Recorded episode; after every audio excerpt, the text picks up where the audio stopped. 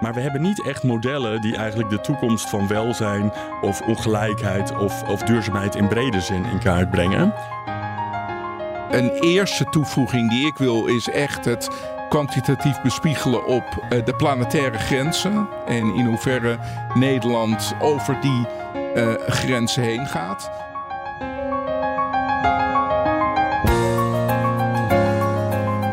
Hoe welvarend is Nederland? Krijgt de komende generatie het beter of slechter? ESB zoekt het uit in Welvaart, de brede podcast. Samen met onderzoekers, beleidsmakers en politici. Welkom bij de derde aflevering van Welvaart, de brede podcast.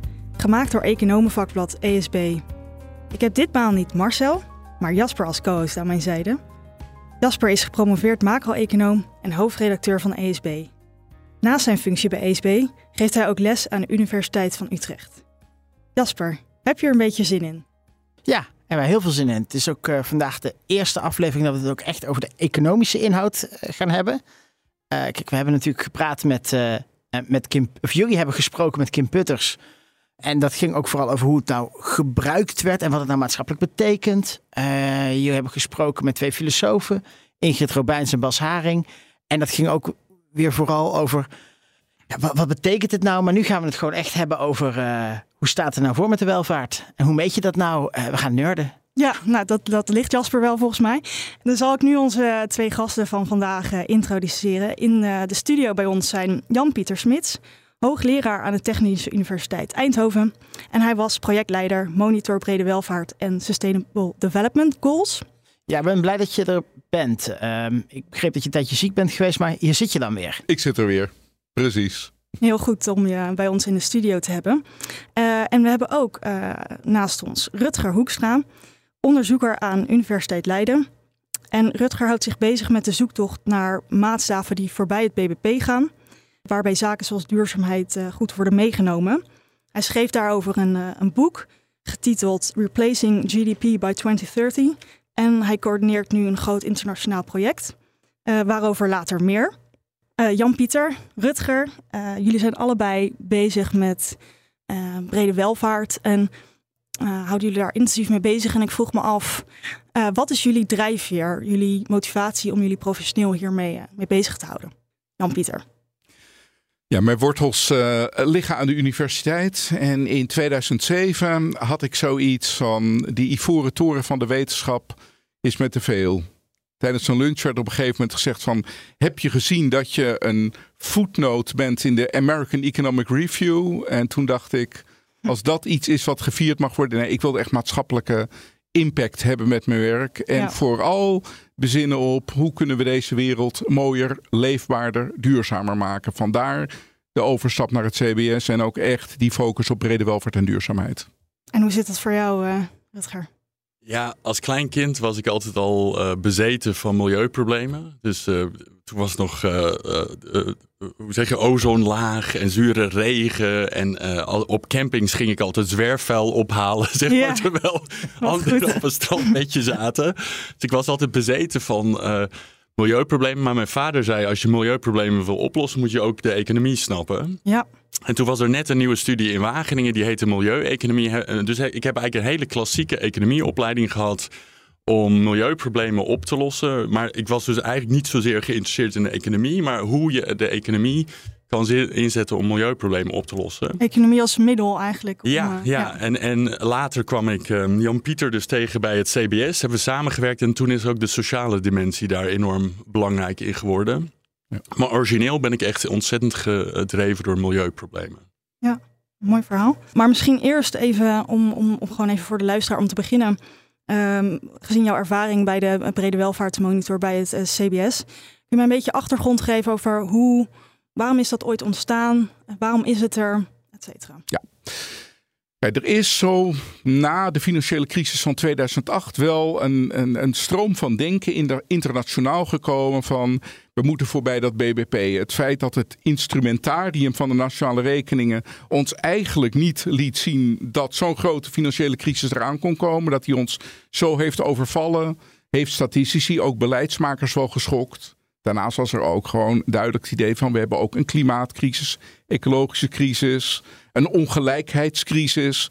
Dus van daaruit is er een stroom van denken ontstaan. We moeten voorbij dat BBP kijken. En concreet in Nederland heeft dat geleid op een gegeven moment tot een Kamermotie waarin het kabinet werd opgeroepen van bezin je op een ander meetsysteem, een ander instrumentarium dan alleen dat BBP.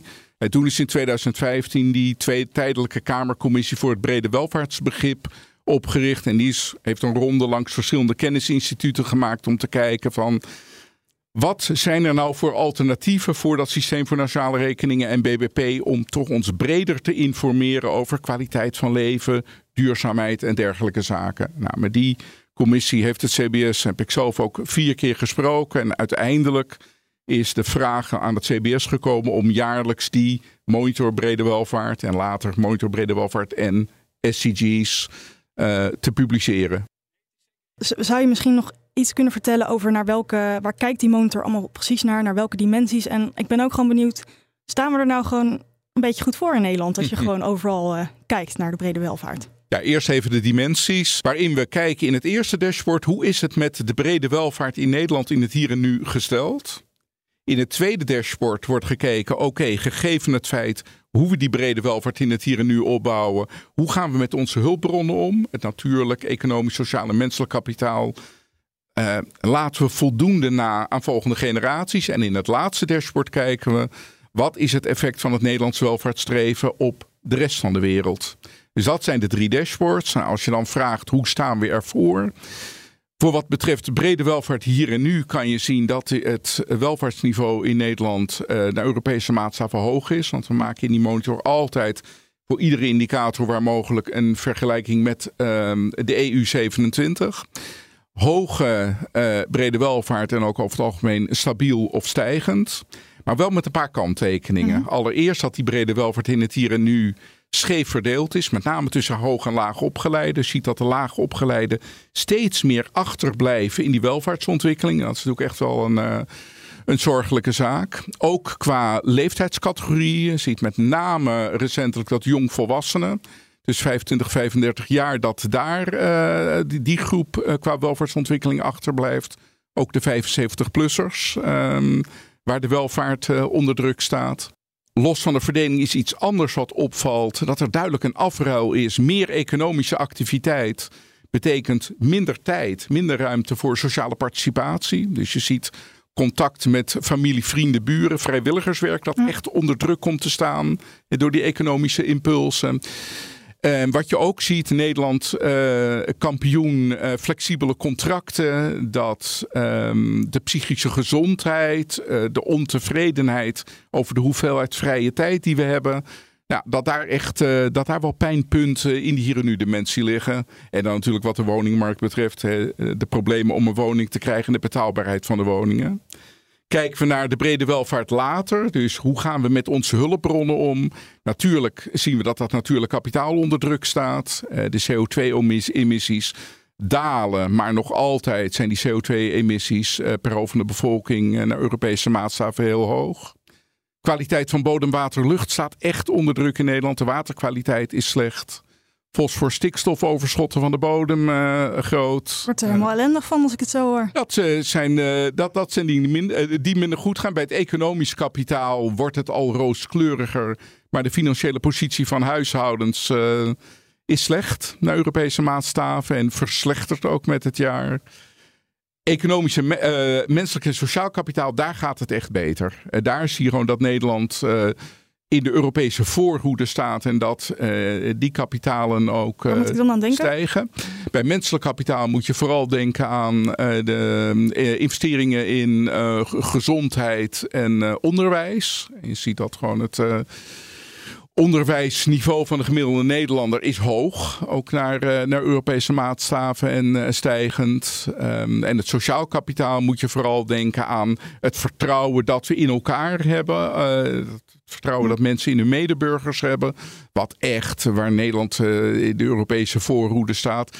Alleen het vertrouwen in instituties en met name de politieke instituties, dat staat enorm onder druk de laatste jaren.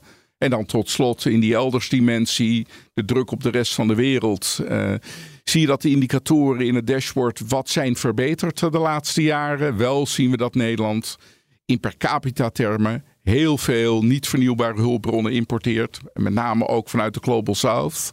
Dus dat we een grote milieudruk daar leggen. Belangrijk deel natuurlijk van uh, die geïmporteerde stoffen wordt wel doorgevoerd naar het achterland. Maar het is natuurlijk wel een verdienmodel voor Nederland. Wat een behoorlijke druk op de rest van de wereld legt. En je ziet in de cijfers ook duidelijk dat Nederland uh, uh, gewoon qua ons consumptiegedrag dat we behoorlijk over de planetaire grenzen heen gaan. Rutger, wat, uh, wat denk je als je dit allemaal zo hoort op een rij?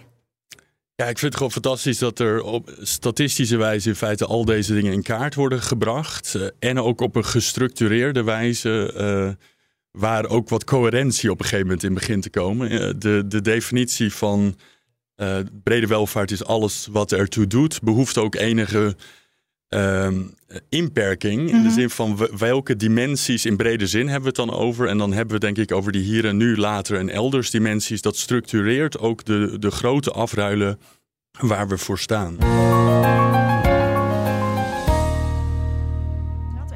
op de, op de actualiteit, of een beetje de actualiteit. Want de miljoenennota is natuurlijk uh, een paar weken geleden um, uitgekomen. En ik heb een beetje aan uh, Ctrl-F journalistiek gedaan.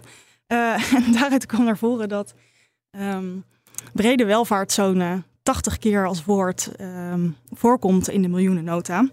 En nu zijn er ook factsheets van het CBS meegenomen, waar, waar wordt gekeken van hoe staat het nou met uh, brede welvaart als je nou kijkt naar de beleidsterreinen van de verschillende ministeries? Mijn vraag voor jullie is eigenlijk: hebben jullie nou het idee dat ja, die brede welvaart wordt heel veel genoemd en zo, maar is er dan ook nu daadwerkelijk iets, iets veranderd? Of is het vooral nog heel veel bla bla en heel veel wol eigenlijk? Wie mag ik daarover het woord geven als eerste? Jan-Pieter misschien. Ja, omdat vanuit het CBS werken natuurlijk heel nauw uh, met die ministeries ook uh, samenwerken om dat begrip brede welvaart meer uh, te doen wortelen. Natuurlijk, het kost heel veel tijd voordat je van een concept als brede welvaart voorbij de bla bla gaat naar echt implementatie in beleid.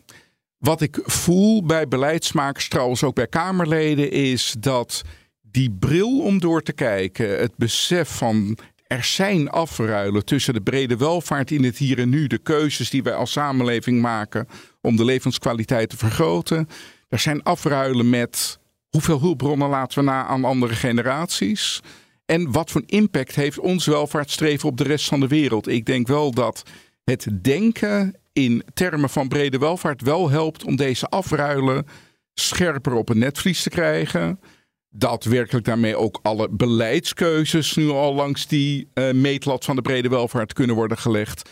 Nee, nog niet. Daar zie je wat zich vooral breekt, is het ontbreken van concrete kwantitatieve beleidsdoelen. Uh, bij uh, een groot aantal ministeries. Maar ik denk wel, de manier van kijken heeft iets veranderd in het parlementair discours. En jij, uh, Rutger, heb je aanvulling hierop? Ja, de, de eerste zin uit mijn boek uh, was: uh, This book is written out of despair. en dat gevoel heb ik nu niet. Oh, oké. Okay. dus oh, ik dacht, dat heb je nog als steeds. Als ik nu een tweede boek zou schrijven over dit onderwerp, zou ik niet meer beginnen met die zin. En okay. ik werk natuurlijk nu iets meer op het internationale. Ja. En ik zie die dynamiek op het nationale. Maar ook op het internationale is er denk ik heel veel reden om te denken dat hier enorm veel dynamiek en momentum achter zit. Uh, maar ik snap wel dat in brede zin mensen denken van uh, het is nog wat vaag, zeg maar. Dat, dat snap ik wel. Ja, het is, kijk Jan-Pieter, jij zegt het is vooral die kwantitatieve doelen en het op een goede manier inzichtelijk maken dat ontbreekt. Maar wat mij hier ook uh, bijgebleven is altijd in deze discussie, is dat er wel echt een verschil is in inzicht hoe belangrijk dit nou is. Ik was in 2019, heb ik een, een, een interview, een dubbel interview gedaan met eh, Joseph Stiglitz, Nobelprijswinnaar in de economie, die heeft dat rapport Beyond GDP geschreven in opdracht van de OESO. E en de andere geïnterviewde uh, die daarbij, dat was uh, Gouria, dat was de secretaris-generaal van de OESO. Um, e en uh, ik, die, die twee heren die, die zijn allebei enorme karakters. Die kregen een discussie met elkaar. En Stiglitz' rapport heet Beyond GDP. En Gouria zei, ja, ik lees dit dus altijd. En dat vertel ik ook altijd in mijn organisatie als GDP en Beyond. Dus als aanvulling op het standaard denken over BBP. Ja. En dat is natuurlijk een hele andere discussie dan de discussie: kunnen we dit nu wel goed meten en kunnen we er daarom wel ook goed op sturen, et cetera, die, die, jij hier aansnijdt. Uh, dit, dit, raakt veel meer aan wat Rutger Hoekstra zegt. Um, namelijk dat hij de afgelopen jaren daar wat optimistischer over geworden is. Dus ik, ik wil de vraag toch nog even bij jou terugleggen. Is het nou echt die kwantificatie en dat dat beter moet waar het uh, maatschappelijke probleem zit, of is er gewoon onwil? Ik denk niet dat er onwil is, uh, misschien wel ongemak. Um, allereerst is het belangrijk bij die Beyond GDP of GDP en Beyond. Want dat is toch wel, dat zijn ja. subtiele verschillen. Um, dat je moet uitkijken dat je niet uh, sowieso a priori in een degrowth narrative um, uh, terechtkomt. De vraag is eigenlijk, en dat is wat mijn ideaal zou zijn als die vraag naar economisch groei, BBP-groei niet meer zo voorop staat. Maar dat je kijkt naar je dashboard aan indicatoren van ontwikkeld Nederland zich nou qua brede welvaart hier en nu later elders gewoon in de goede richting. En dan de vraag of parallel eraan dat BBP groeit of niet groeit, eigenlijk niet meer zo relevant is. Dus dat die enorme focus van die economische groei afgaat. Maar dat gezegd hebbende, moeten we natuurlijk wel bedenken dat het dekken van onze primaire materiële behoeften gewoon ongelooflijk belangrijk blijft. Dat ook in de welvaartspreferenties van mensen het hebben van een baan, het hebben van voldoende inkomen gewoon heel belangrijk is. Dus als het gaat om onwil om brede welvaart te omarmen, ik denk niet zozeer onwel, maar er is wel een voorzichtigheid van ontken het belang van die materiële welvaart niet. En dat is nog af en toe wel wat zwart-wit in de debatten van je bent voor brede welvaart en dan is die economie niet meer belangrijk. Ja. Die economie is wel een belangrijke basis. Die moet niet ontkend worden. Maar zoals in uh, de Deep Transitions uh, theorie literatuur wordt gezegd, die economische groei moet op een nieuwe manier worden ingebed in de ecologie en in de samenleving. De economische groei is als het ware uit de bocht gevlogen. En we kunnen met uh, behulp van onze brede welvaartsindicatoren kijken hoe kan die economische groei weer op een gezonde manier in de ecologie en in de sociaal-maatschappelijke structuren worden ingebed.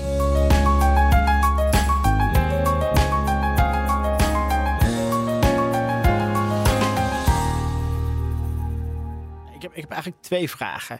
Uh, de eerste gaat over uh, dat je meet is natuurlijk heel goed. Uh, dat je daar ook direct duiding aan toevoegt is soms problematisch. Um, we lazen een column van Floor Rusman in het NRC en die schreef in de factsheets.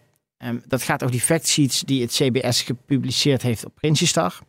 Er staan behulpzame groene en rode pijltjes om aan te geven of de score de goede of de slechte kant op gaat. Soms zijn die logisch, zoals bij het aantal zelfdodingen. Hoe lager, hoe beter. Oké. Maar bij anderen denk ik, zijn dit feiten. Het lijkt me geen feit dat je zoveel mogelijk hoogopgeleide moet hebben. De samenleving heeft momenteel meer behoefte aan extra loodgieters dan aan extra communicatiedeskundigen. Evenmin is het feit dat het beter is om zoveel mogelijk mensen positief te hebben denken over immigranten, zoals een, ook een effectsheet stelt. Hier gaat het uh, toch ook vooral om hoe ook de pijltjes zich verhouden tot wat de beleidsvoornemens zijn, zoals die uh, door op de verschillende ministeries uh, zijn geformuleerd, waar men bijvoorbeeld natuurlijk wel het aandeel uh, hoogopgeleide in de bevolking belangrijk vindt. voor een kenniseconomie als de Nederlandse, waar de high-tech component belangrijk is, vooral vanuit een economische optiek. Is dat verstevigen van die kennisbasis en die kennisinfrastructuur heel erg belangrijk. Alleen je moet het niet plat slaan dat heel Nederland universitair geschoold moet worden en dat MBO er niet toe zou doen. Dat wordt nergens beweerd. Maar vanuit het idee van een high-tech economy, en nogmaals, de materiële welvaart doet er in de brede welvaart ook toe, is het verdedigbaar om daar te zeggen van meer uh, hoogopgeleide daar in die context, in die beleidscontext, is goed. Wat betreft het oordeel over immigranten, uh, het CBS doet natuurlijk geen uh, uitspraak of migratie een goede of een niet goede zaak is. Ik denk nee. overigens ook dat er over migratie dat het heel gebalanceerd is op bepaalde terreinen waar toenemende migratie goed kan zijn en op andere terreinen waar het druk uh, kan leggen. Hier gaat het over de oordeel van burgers of um, immigratie een bron van spanning is. Uh, dus als Nederlanders uh, een relatief positief oordeel over migratie hebben en over een multiculturele samenleving, dat het groene pijltje dus iets zegt over de mate van sociaal kapitaal. Van of we elkaar senang voelen met elkaar in een samenleving. En vanuit die context, maar je moet de pijltjes dus vanuit een beleidsmatige context begrijpen. Denk ik dat die, eh, de kleuren van die pijlen verdedigbaar zijn. Overigens ook overlegd zijn met de ministeries. Het is echt in nauwe samenwerking tussen CBS en alle ministeries geweest dat we die departementale ficties hebben vormgegeven. Ja, eh, snap ik. Je zegt eigenlijk, dit wil beleid, dus dan toetsen we dat. Of dan kijken of het inderdaad die kant op gaat. En ja, Rusman is het eigenlijk misschien niet eens met beleid. En dat staat dan hier. En dat kan, maar dan moet je niet de CBS op aankijken. Precies. Oké, okay, uh, eh, kun je een hele discussie hebben over de rol van het CBS. Gaan we niet doen. um, tweede punt is eigenlijk, uh, dit gaat allemaal, zoals nu vooral over meten, gaat het de goede kant op als je nou wil gaan sturen, dan zijn er best wat mensen kritisch op die monitor brede welvaart. Ehm, we hebben bijvoorbeeld uh, twee jaar geleden een vrij kritisch stuk gehad van Bas Jacobs. Die komt later in de podcastreeks ook nog aan bod. De, de, de kop zegt het eigenlijk al, beleidsdebat over welvaart mist theoretische fundering. Maar hij zegt eigenlijk wat je krijgt dat je dat brede welvaart, dat je de monitor niet baseert op een schaarste begrip per se. Uh, zijn er ook keuzes mogelijk waarvoor geen offer moet worden gebracht? En uh, kun je die lastig economisch uh, interpreteren, laat staan die daadwerkelijk toeschrijven aan beleid. Dat gaat dan over dingen als contact met familie en vertrouwen in de samenleving. En, en dat soort dingen, dat hoeft niet per se een offer te worden, voor te worden gebracht. En ze heeft een heleboel van dat, van, van, van dat soort punten. Dus nu wil ik even voorkomen dat we hier die discussie gaan voeren. Want dan moet je uit het hele stuk, en hadden we Bas hier moeten hebben. Mm Het belangrijkste is eigenlijk, kun je zo'n monitor brede welvaart nu ook gebruiken om te sturen? Bied je dit nou ook relevante sturingsinformatie? Ja, even één, één stapje terug als het mag. Ik vind het idee van dat de monitor een theoretische basis mist, dat vind ik echt te ver gaan. Ik denk dat de monitor brede welvaart, Sustainable Development Goals en het onderliggende meetsysteem is eigenlijk neergelegd door Rutger uh, en mij in een uh, rapport, de Zes Recommendations for Measuring Sustainable Development. En daar ligt een berg aan academische literatuur bij alle dimensies onder. Dat gezegd hebbende, ik zie in dat het inderdaad lastig is om scherp in kaart te brengen voor welke keuzes staan we als samenleving, waar, staan, waar liggen de afruilen. Tijdens een technische briefing in de Tweede Kamer is er een Kamerlid, ik zal uiteraard de naam niet noemen, die ehm, een beetje streng tegen mij zei: Ja, vanuit deze hele mooie verzameling aan indicatoren van. Maar wat zijn nou de keuzes die wij moeten maken? Toen heb ik ook gezegd: Ho, ho, de keuze is een politieke vraag. Wat wij hier doen is een breed palet aan indicatoren neerleggen. Met ook heel duidelijk in het rood van wat zijn uh, zorgelijke ontwikkelingen, waar daalt de brede welvaart. Hoe belangrijk jullie dat politiek vinden. Welke afwegingen jullie hier willen maken. Dat is jullie zaak. Maar ook zoiets als dat vrijwilligerswerk geen offer vraagt. Ik zei net uh, uh, een paar minuten geleden dat we zien het moment dat de economie groeit, dat mensen meer tijd in werk, in herscholing steken, dat sociale participatie afneemt. Er is een keiharde afruil in de 24 uur van de dag die we hebben in onze tijdsbesteding. Dus ik denk dat uh, we echt de tijd van de vrijblijvendheid voorbij zijn. Uh, dat er we voor harde keuzes staan. Zowel in de 24 uur van de dag is er een harde afweging in de tijd. Een harde afweging het aantal hectares dat we in een land hebben met tal van opgaves qua uh, natuurbeheer, landbouw die we willen, eh, woningbouw, zonnepanelen en dergelijke. Wij geven in de monitor heel duidelijk aan uh, in welke richting de trends gaan, waar de knelpunten zitten. Vervolgens is het aan de politiek om de kwantitatieve doelen te stellen en om te kijken welke keuze is ons wat waard. Maar dat is een politieke vraag. Als CBS geven wij de informatie op basis waarvan zij hun afwegingen kunnen maken en hun prioriteit kunnen stellen. Nou ja, de, vraag is misschien ook van hoeveel, hoeveel aspecten ga je, ga je meenemen? Uh, sommigen kiezen voor één integrale maatstaf.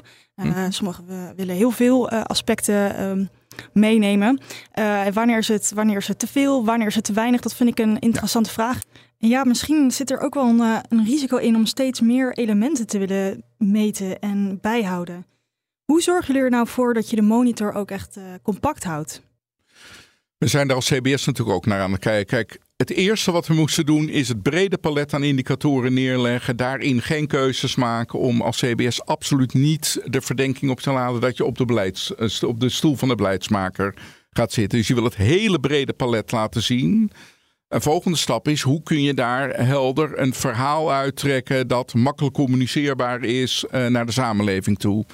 Dan zijn er denk ik nu twee manieren die je kan beproeven. Eén is aggregatie, maar niet alles plat slaan in één indicator, zoals door sommigen wel wordt gedaan, omdat je dan bijvoorbeeld die fundamentele afruil tussen de brede welvaart hier en nu, later en elders, dat zicht raak je kwijt.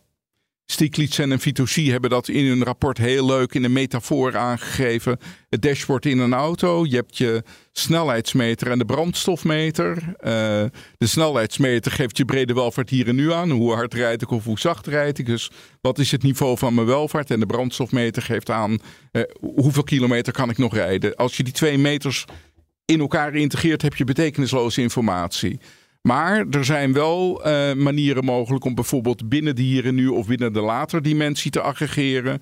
En ik denk ook dat Rutger in zijn boek uh, Replacing GDP by 2030 ook heeft aangegeven hoe je op deelterreinen kan aggregeren. Dus dat is één route die je zou kunnen gaan om uit de brei van cijfers wat grote lijnen te trekken. Een andere is dat je kijkt hoe bepaalde groepen van indicatoren een gelijksoortige ontwikkeling laten zien. Om te laten zien van waar liggen tussen indicatoren uh, synergieën. Als, de een, als op het ene welvaartsterrein voortgang wordt ge, uh, geboekt, dat automatisch andere meegroeien. Mm -hmm. En waar zie je de harde afruilen? Dat je ook daar met clusteringen van indicatoren um, meer een samenhangend verhaal kan vertellen. En dat is vooral in de Sustainable Development Goal Community.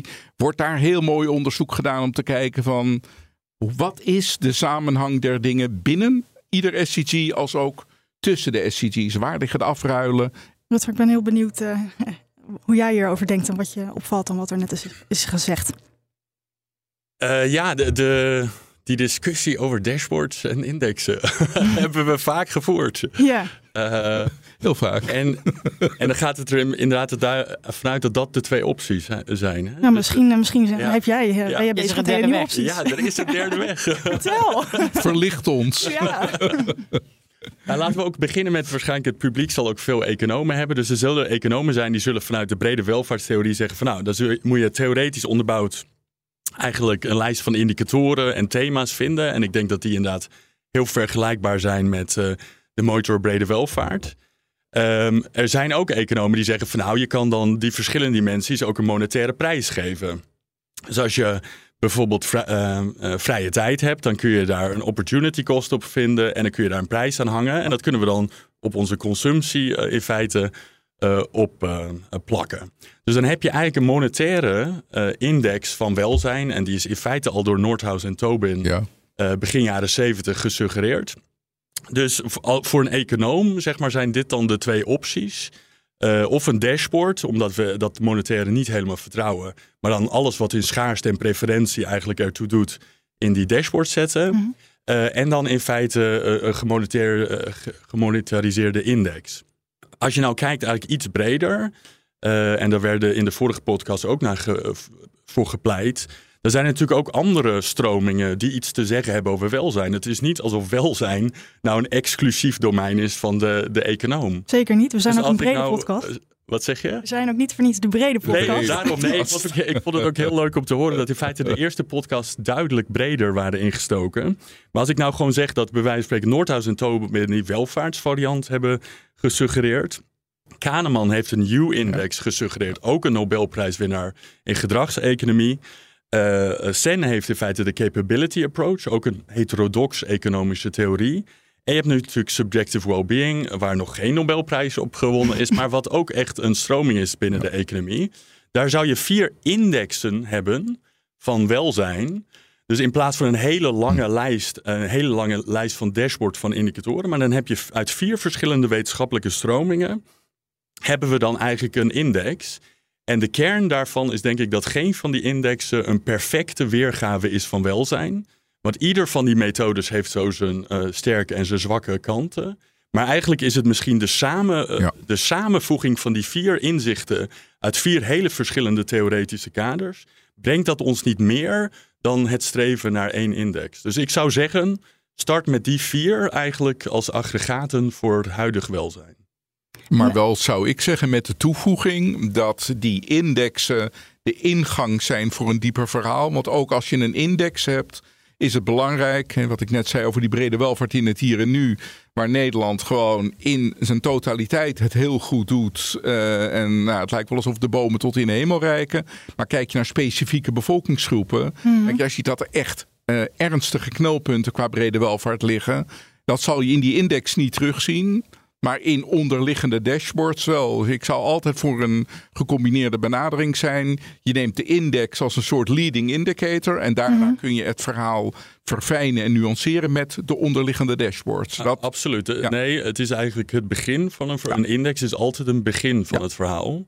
Uh, absoluut. En dat zou ik inderdaad een heel aantrekkelijke ontwikkelingsvorm voor in de toekomst zien. Ja. Je had het net over de dimensie hier en nu, maar er bestaat natuurlijk ook inderdaad, zoals je al noemde, de dimensie elders. Maar de dimensie elders, dat lijkt me zo lastig om te meten. Eh, of, of heb ik het dan uh, mis? Nee, daar, uh, daar schiet je raak met je, met je commentaar.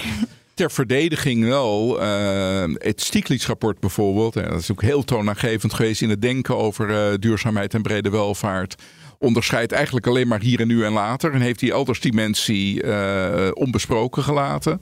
Nederland is een van de eerste statistische bureaus wereldwijd die überhaupt naar een brede welvaart uh, elders kijkt. Maar daar is nog uh, heel veel uh, te wensen voor die brede welvaart elders. We kijken nu vooral naar milieu-impact. Een eerste toevoeging die ik wil is echt het kwantitatief bespiegelen op de planetaire grenzen. En in hoeverre Nederland eigenlijk over, in per capita termen, over die grenzen heen gaat nog misschien een wat meer filosofische kanttekening, maar wel een heel wezenlijke is. Wij praten over een impact op de brede welvaart, bijvoorbeeld in de Global South. Maar wat weten wij over hoe mensen in de Global South um, hun brede welvaart percepiëren, definiëren? Wij vanuit een westers gezichtspunt kijken nu wat een impact op die landen is, zonder eigenlijk getoetst te hebben wat zij daar onder brede welvaart verstaan. Dat is niet iets nu in het CBS-werk. Het is wel iets wat in een NWO-project wat we in Eindhoven uh, samen met Universiteit Utrecht uh, uitvoeren. Waar we wel uh, explicieter naar willen kijken. Wat betekent brede welvaart in de context van economieën in de Global South? Ja, en, en misschien even terug naar, naar Rutger. Um, jij weet ook veel van hoe internationaal zaken als brede welvaart worden gemeten. Hoe pakken andere landen het nou aan? Wat zijn internationale trends op dit gebied? Welke inzichten kunnen we misschien daar uh, uithalen? Nou, zoals ik zei, mijn boek begon een beetje negatief. En dat kwam eigenlijk doordat er gewoon zoveel verschillende methodes en zoveel verschillende terminologieën worden gebruikt. Dus uh, als we hier een, gaan bespreken wat er allemaal mogelijk is, dat is gewoon echt te veel. En dat was ook denk ik het grote manco van ons vakgebied eigenlijk tot een, een aantal jaar geleden. En, waarom ik toch wel wat positiever ben geworden. Eigenlijk zie je dat er steeds meer een convergentie is, een beetje naar die uh, Stiglitz-achtige indeling van uh, welzijn hier en nu, en welzijn in de toekomst en de verdeling van welzijn. En dus ook, uh, dat wordt dan in het internationale soms ook wel als WISE aangeduid. Dus well-being, inclusion en sustainability. En bij inclusion heb je dus twee dimensies ook. Daar heb je nationale dimensie. Dus is er ongelijkheid uh, op het gebied van gender, uh, educatie, dat soort type dingen. En is er ongelijkheid in de wereld. En da daar linkt natuurlijk die elders ja. dimensie heel erg aan. Dus, en eigenlijk die, drie, die driedeling, die begint steeds krachtiger te worden in het internationale. Ja, en je noemde net al even uh, WISE. Dat is een, een project dat jij uh, coördineert. Ik zag ook dat Thomas Piketty volgens mij in de advisory board uh, zat, als ik het goed heb. Nou, hij zit in het consortium. Hij zit in het consortium, ja, dat is wel een leuk detail. Maar ik was benieuwd, kun je misschien nog even iets vertellen over dat project en, en waar jullie staan nu daarmee? Ja, eigenlijk is het een beetje voortbouwend, ook op het werk uh, vanuit het, het CBS. Ehm, we gaan op sommige vlakken net iets verder. Um, en we gebruiken dus die driedeling om te kijken of we ook een synthese kunnen maken van wat er de afgelopen 50 jaar zo'n beetje is gebeurd op het gebied van Beyond GDP. Want zo heet die discussie in het internationale. Ehm, en we gebruiken dus die driedeling: well-being, inclusion en sustainability. Uh, en we proberen daar op drie niveaus uh, een synthese eigenlijk te maken. Het ene niveau is uh, op de indicatoren, dus hoe meet je het? Het derde niveau zijn de modellen. Want als economen hebben we natuurlijk BBP-modellen, we hebben populatiemodellen van de demografen en we hebben bij klimaatverandering ook een beetje klimaatmodellen. Maar we hebben niet echt modellen die eigenlijk de toekomst van welzijn of ongelijkheid of, of duurzaamheid in brede zin in kaart brengen. Dus wij proberen op metrics en modellen een uh, voortgang te boeken. En de stap daartussen is dat we ook uh, streven naar een interdisciplinair accounting structuur.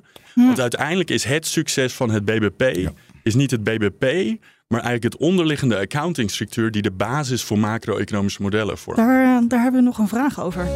En dan nu. De vraag van Sarah. Hoi Rutger en Jan-Pieter, leuk dat jullie te gast zijn in onze podcast. Rutger, deze vraag is voor jou. Um, ik was onlangs op de conferentie van het Nationale Netwerk Brede Welvaart. Uh, en daar was jij ook. En toen vertelde je dat BBP uh, op zichzelf niet hetgene is geweest wat zo succesvol is, maar het hele systeem van nationale rekeningen daarachter. Dus wat economen heel goed hebben gedaan, uh, zei jij, is, is, niet per se een, een indicator van welvaart verzinnen, uh, maar een accountancy-systeem accountancy systeem bedenken, um, ja, waar alle landen mee overweg kunnen. Het is misschien een beetje een moeilijke vraag, maar ik ben benieuwd van Waar, waar zou in jouw optiek zo'n brede welvaartssysteem aan moeten voldoen om ervoor te zorgen dat het ook uh, een succes wordt? Ja, super leuke vraag en echt, uh, echt iets waar ik heel gepassioneerd over ben. Even terug naar het BBP. inderdaad, als je kijkt naar een persbericht van het BBP, dan is de titel altijd economie groeit met 2%. En in het persbericht zelf wordt er dan gezegd: oh, de consumptie valt wat tegen, de investeringen gaan redelijk goed, de productiviteit gaat goed. En dat is natuurlijk al een uitwijzing dat daaronder zit een hele systematiek van stocks en flows van uh, financiële aard, die enorm uh, consistent ook zijn met elkaar. En dat is in feite wat Richard Stone na de oorlog eigenlijk op, op, basis van een VN-mandaat heeft gecreëerd. En die heeft eigenlijk de macro-economie van die tijd verenigd achter dat systeem. En ik denk uiteindelijk dat dat een ontzettend vliegwiel is geweest, ook voor modellering, uh, voor harmonisering van een economische maatstaf. Uh, wereldwijd. En ik denk dat wij uh, daar dus ook een les uit moeten trekken. En vandaar dat de, ook de indeling van ons project is metrics, accounts en models. Mm -hmm. uh, omdat in feite proberen wij een beetje hetzelfde dynamiek te creëren in de brede welvaartshoek. Dat even gezegd hebbende, hoe zou je dan een brede welvaartsaccounting systeem creëren? Nou, allereerst moet je uh, los van de gedachte dat economen die accounting systeem eigenlijk gaan creëren. Want waar we het over hebben is drie systemen. Uh, het planetaire ecologisch systeem, de maatschappij en de economie. Dus dat zijn eigenlijk de drie systemen waar we het hier over hebben. En economen hebben natuurlijk niet verstand van al die drie de systemen.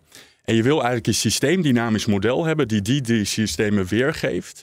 Uh, en en dus daar moet accounting voor komen, waarbij natuurwetenschappers eigenlijk de planetaire accounting uh, creëren. Demografen en sociologen, die kunnen in feite de sociologische kant ervan uh, definiëren.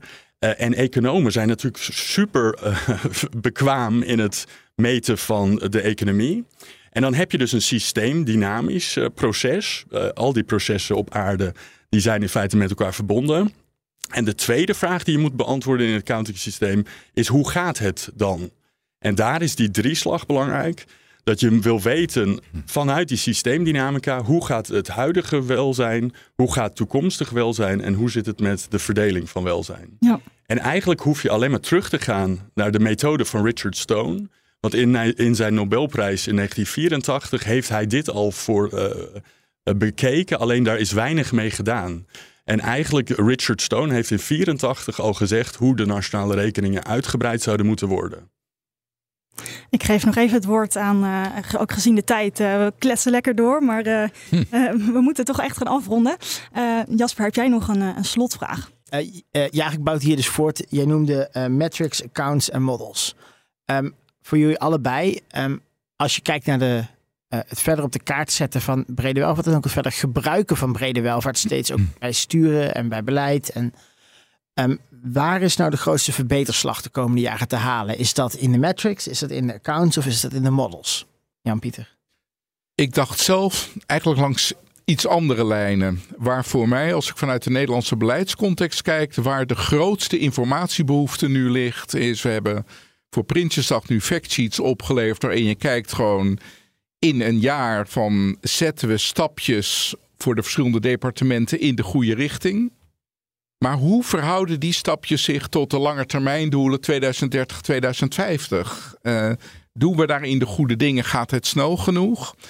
In de VN wordt daar nu ook al over nagedacht. Ja, uh, Rutger kan er misschien zo ook nog wel iets over zeggen. Over zogenaamde procesindicatoren. Van wat is er aan context, aan structuurkenmerken nodig om die grote maatschappelijke transities succesvol um, te laten plaatsvinden. In de deep transitions literatuur zie je echt wel een theoretische onderbouwing van naar wat voor type indicatoren je zou kunnen kijken. Die je iets kunnen zeggen of je kans om die transities uh, succesvol vorm te geven, dat de kans erop groter of kleiner is. En dat is voor mij iets wat ik de komende jaren wil ontwikkelen. De link te slaan tussen wat jaarlijks in de begroting aan stapjes wordt gezet.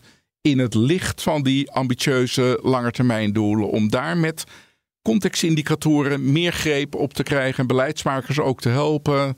Dan liggen we als samenleving op koers om die grote uh, transitieopgaves waarvoor staan, om die ook uh, daadwerkelijk te kunnen realiseren. Maar dit, dit, vertaal ik als models eigenlijk in mijn hoofd. Dat je beter begrijpt wat er, hoe, wat er gebeurt te koppelen is aan het beleid wat er gevoerd wordt. Ja, de reden waarom ik misschien minder op, minder op models trigger is omdat natuurlijk het CBS niet modelleert normaal gesproken. Nee, maar nee, in, in de termen het. waarin wij hier nu over models spreken, waarop Rutger er net over sprak, ja, akkoord. Zelfde vraag voor jou, Rutger. Ja, ik, denk, ik ben heel optimistisch op het niveau van uh, metrics en accounts. Omdat wat Jim Pieter ook zegt, daar zijn eigenlijk op internationaal vlak zijn er ook harmonisatietrajecten bezig. De een is van de secretaris-generaal en die heet Valuing What Counts. En de ander is uh, het uh, reviseren van het systeem van nationale rekeningen om welzijn en duurzaamheid ook toe te voegen. Dus in feite op dat vlak denk ik dat er, vind ik absolute prioriteiten, maar er gebeuren absoluut dingen. Ik denk op het gebied van modellering uh, ben ik gewoon ontzettend enthousiast dat we ook in ons project daaraan kunnen werken. Want ik denk een van de grote krachten van de, het BBP is natuurlijk dat we gewoon uh, kunnen terugkijken. Hoe is het gegaan? Analyseren hoe het is gegaan. Maar ook vooruit kunnen kijken en ook beleidsopties kunnen doorrekenen. En zolang wij dat niet in ons uh, arsenaal hebben, dan wordt het denk ik heel lastig. Ja. Nou, uh, ik vond op zich toch best wel wat positieve woorden in die, in in die laatste zinnen van jou uh, te halen. Uh, maar hiermee zijn we wel aan het eind gekomen van dit ge gesprek. Rutger, Jan-Pieter, Jasper, hartelijk dank voor dit, voor dit gesprek. En volgende week spreken we econoom Rijer Gerlach over het klimaatvraagstuk. Tot dan.